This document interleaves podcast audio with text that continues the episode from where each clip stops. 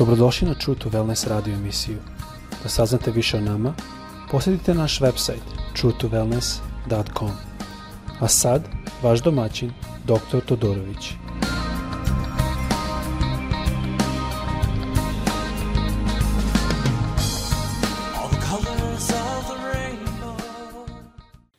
Ljubazni, dobar dan, pozdravljam vas sve odavde iz Florida, dakle radim ove podcast – Izvinjavam se, moj srpski je malo teži, malo lošiji, ali a, e, skoro sam čitao Psalm 51. i onda nekako sam naišao na prva dva stiha iz tog psalma isto na drugim lokacijama. Ja sam malo počeo dublje da gledam u taj psalm, da vidim, taj psalm me uvek privlačio. Puno puta sam čitao taj psalm, puno puta sam prošao kroz taj psalm i uvek sam zaključio da je to jako lep psalm, da je jako dobar psalm, da je jako um, dragi psalm, da kažemo tako. To je bila jedna pesma koju je David napravio i to je on napravio kad je imao onu situaciju sa prorokom Nathan koji je došao njemu i taj prorok je došao i ukazao mu je da je on napravio prilično veliki greh. E sada, pre što i uđemo dalje u tu reč, razmislimo o tome što je se tu desilo. Prorok je došao kralju od naroda, kralju te zemlje. Kralju je na zemlji koja je uspešna, koja je, on širila se im teritorija, a, uspešan je bio svemu, popularan je bio, ljudi su ga volili. I on je došao njemu i on je rekao priču kako je jedan čovjek koji ima puno ovaca uzao ovcu od jednog čovjeka koji ima samo jednu i ubio, kao što znamo, ubio je u raju i uzeo njegovu ženu. Ali što je to bilo je da je on kad je to objasnio Davidu, David je počeo da plače, počeo da se kaje. I ovaj psalam je pisan u tom pogledu kad se on kaje, on je napisao ovaj salam i kaže ovako, salam 51. Prvi stih kaže, smiluj se na me, Bože, po milosti svojoj i po velikoj dobroti svojoj, očisti bezakonje moje. Operi me dobro od bezakonja mog i od greha mog očisti me. E sada ovo je prilično a, zanimljivo, ja sam malo gledao baš i na engleskom, je obično studiram na engleskom, jer engleski mi je puno lakši. I vidimo ovde da kako se David okrenuo Bogu kad mi je došao Nathan i rekao za Bečivu kako si smeo da uzmeš nju. Naime, šta se tu desilo, da vas malo posetim. David, umesto da je bio sa svojim vojnicima i da se borio, David je bio šetao se po svom krovu, Njegova palata je bila visoka i sa kola mogu daleko da vidi. I pošto se šetao po krovu, dok su njegove vojnici se borili, on je tu bio i šetao se i video je ovu lepu e, ženu koja se verovatno kupala ili tuširala ili ko zna, ali nešto se dešalo da on nju video i zavolao nju. I pitao je koja ona i shvatio da je ona žena od Uraja i on je otišao i spavao ima odnosa s njom i ona je zatrudnula.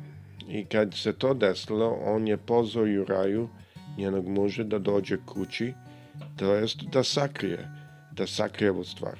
Ali to Bog nije dozvolio. I što više, Juraja kad je došao kući nije htio da spava sa svom ženom, e, nego je spavao posebno i je rekao, moji ljudi su tamo, bore se kako bi ja mogao da pogrešim Bogu mom i da spavam tu. I tu vidite da je on a, um, imao jedan primjerno ponašanje koji u ovom slučaju David nije imao. Iako reč Bože nas uči da je David bio čovek po Božem srcu, ali vidite ovde da on nije bio čovek bez mane. Što to pokazuje nešto i za nas. Mi možemo biti ljudi po Božem srcu i dalje, dalje da imamo mane. U čemu je onda razlika? Mi znamo da Bog ne voli greh, nemojmo se varati tu, ali to ne znači da smo mi bez greha. Mi smo svi ljudi i mi grešimo. Tako da ako neko kaže da nema greha, on laže, to znam iz reči Bože. Ali opet mi ne možemo živeti u grehu, to isto znam iz reči Bože. U ovom salmu možemo videti zašto je David bio čovek po Božjem srcu. Ovdje on kaže, smiluj se na me, Bože, po milosti svojoj i po velikoj dobroti svojoj čisti bezakonje moje. E sada ovdje vidite dve stvari. David traži od gospoda da mu se smiluje. Ovo je posle kad me Nathan došao i a, nisam završio možda tu priču, pošto on nije, u raja nije htao da, da Luda sa svojom ženom jer su njegovi vojnici stradali i on je o njima razmišljao, a onda ga je David poslao nazad i stavio u situaciju da će John da pogine. I on je poginuo. I onda je on uzao ovu ženu i nije shvatio, izgleda nije shvatio da je to koliki greh činio dok ovaj prorok nije došao njemu. I sada što vidimo ovdje, pogotovo na engleskom se bolje to vidi, da je David došao Bogu i tražio njega oproštaj ali način na koji on tražio pokazuje da je David poznavao Boži karakter. I on je rekao, po milosti tvojoj, znači na engleskom kaže loving kindness, to je na, dugotrojna ljubav, milostiva ljubav, znači malo je drugčije to. I po velikoj dobroti očisti bezakonje moje. Ali na engleskom kaže, i mislim da tako isto i na jevrajskom, a, tvoje nežne milostivosti. Sada, ove reči su zanimljive zato što ove reči e, prenose jedno poznanje karaktera Božeg. Ovde vidimo da je David znao, e, jer ove reči se odnose i bazirane su na Božem karakteru. Znači, on je znao Boži karakter. On je znao kako je gospod i kakav je on um, kao Bog šta i kako gleda. I na taj način vidimo da David nije došao ovde i rekao Bože, ako mi samo ovo i ovo radiš, ja obećavam ovo i ono. On nije tako došao. Mnogo puta mi kao hrišćani možda bi tako došli, a on nije. On je znao Boga. On je znao njegovo srce. I on došao njemu i prosto rekao, oprosti mi. Po tvojoj dugoj milostivosti, kaže na engleskom. Ovaj srpski prevod koji ja čitam kaže smiluj se na me Bože po milosti svoje. Tako da je ovo malo dručije pisano. Ali to pokazuje da je on svaća dve stvari. Jedno je da je Bog milostiv i da je Bog neko koji dugo trpi i ljubi. Ali druga stvar što vidimo ovdje je da je David svaćao da on nije u stanju da ponudi ništa da on nije u stanju da obeća ništa, da on nije u stanju da da išta Bogu da bi na neki način namirio Boži, Boži gnjev što se dešavalo u ovom slučaju radi ono što on uradio. Ovo je jako bitno da mi shvatimo. Nalazim puno puta u našem narodu ima osjećaj da ćemo mi na neki način moći ugovoriti, neki ugovor napravi sa Bogom, neki ugovor doneti. Ako ću ja uraditi ovo i ovo i ovo, Bog će... I naše najbolje stvari pred njim su prljave. Naša slavljenja pred njim nisu čista. Ali on to želi zato što on nas ljubi, ne zato što mi imamo nešto da ponudimo. Ovde vidimo u drugom stihu i staću na drugom stihu, nastavit ću kasnije u drugim epizodima.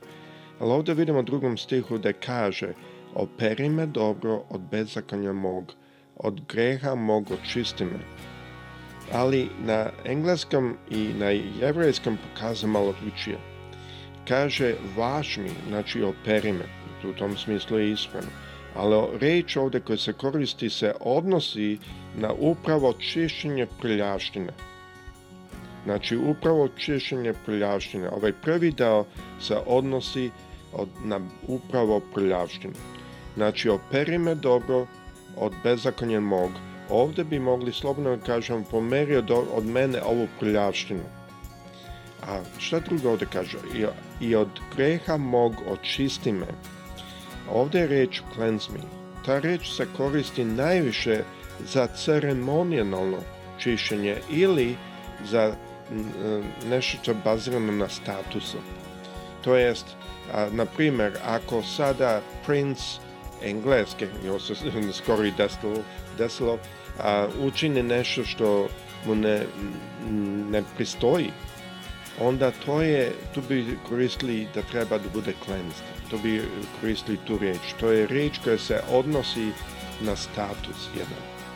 Drugim rečima, ja kad dođem, gospodu, ja sam grešnik. Ja ne mogu doći kao što jesam. E sada ja mogu od njega da tražim da mene on opere od mog greha, da mi oprosti neke grehe, ali ja sam dalje grešnik. Ova druga e, deo, druga reč što je ovde u drugom stihu, pokazuje jedno promenu statusa. Da ja dođem kod njega, ja sam i dalje grešnik, ali on sada menja moj status ne zato što on ima nešto u meni, što njemu treba, nego prosto zato što kao što David već znao, on je jedan milostivi Bog. Moramo ovo shvatiti, ljubazni. Ovde ću sad zastaviti, nastavit ću naredni put kad govorim, nastavit ću i govorit ću narednim par stihova, ali ovde vidimo Davida kao nekoga koji je poznavao Boga više na način na koji ga mi danas poznamo u Novom Zavetu, nego što ga on poznavao ili trebao u starom zavetu. Ovde možemo videti da zaista on je upoznao Hrista još dok je živ, živ bio, ne možda u fizičkom, ali je po, svakako upoznao njegov duh i način i srce.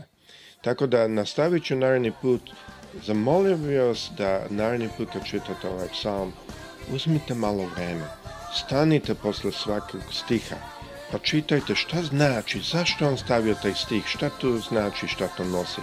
I vidjet ćete da će vam to biti blagoslov. Gospod sa svima vama, pozdravljam sve odavde, naredni put ćemo govoriti o trećem i četvrtom stihu. Prijetno!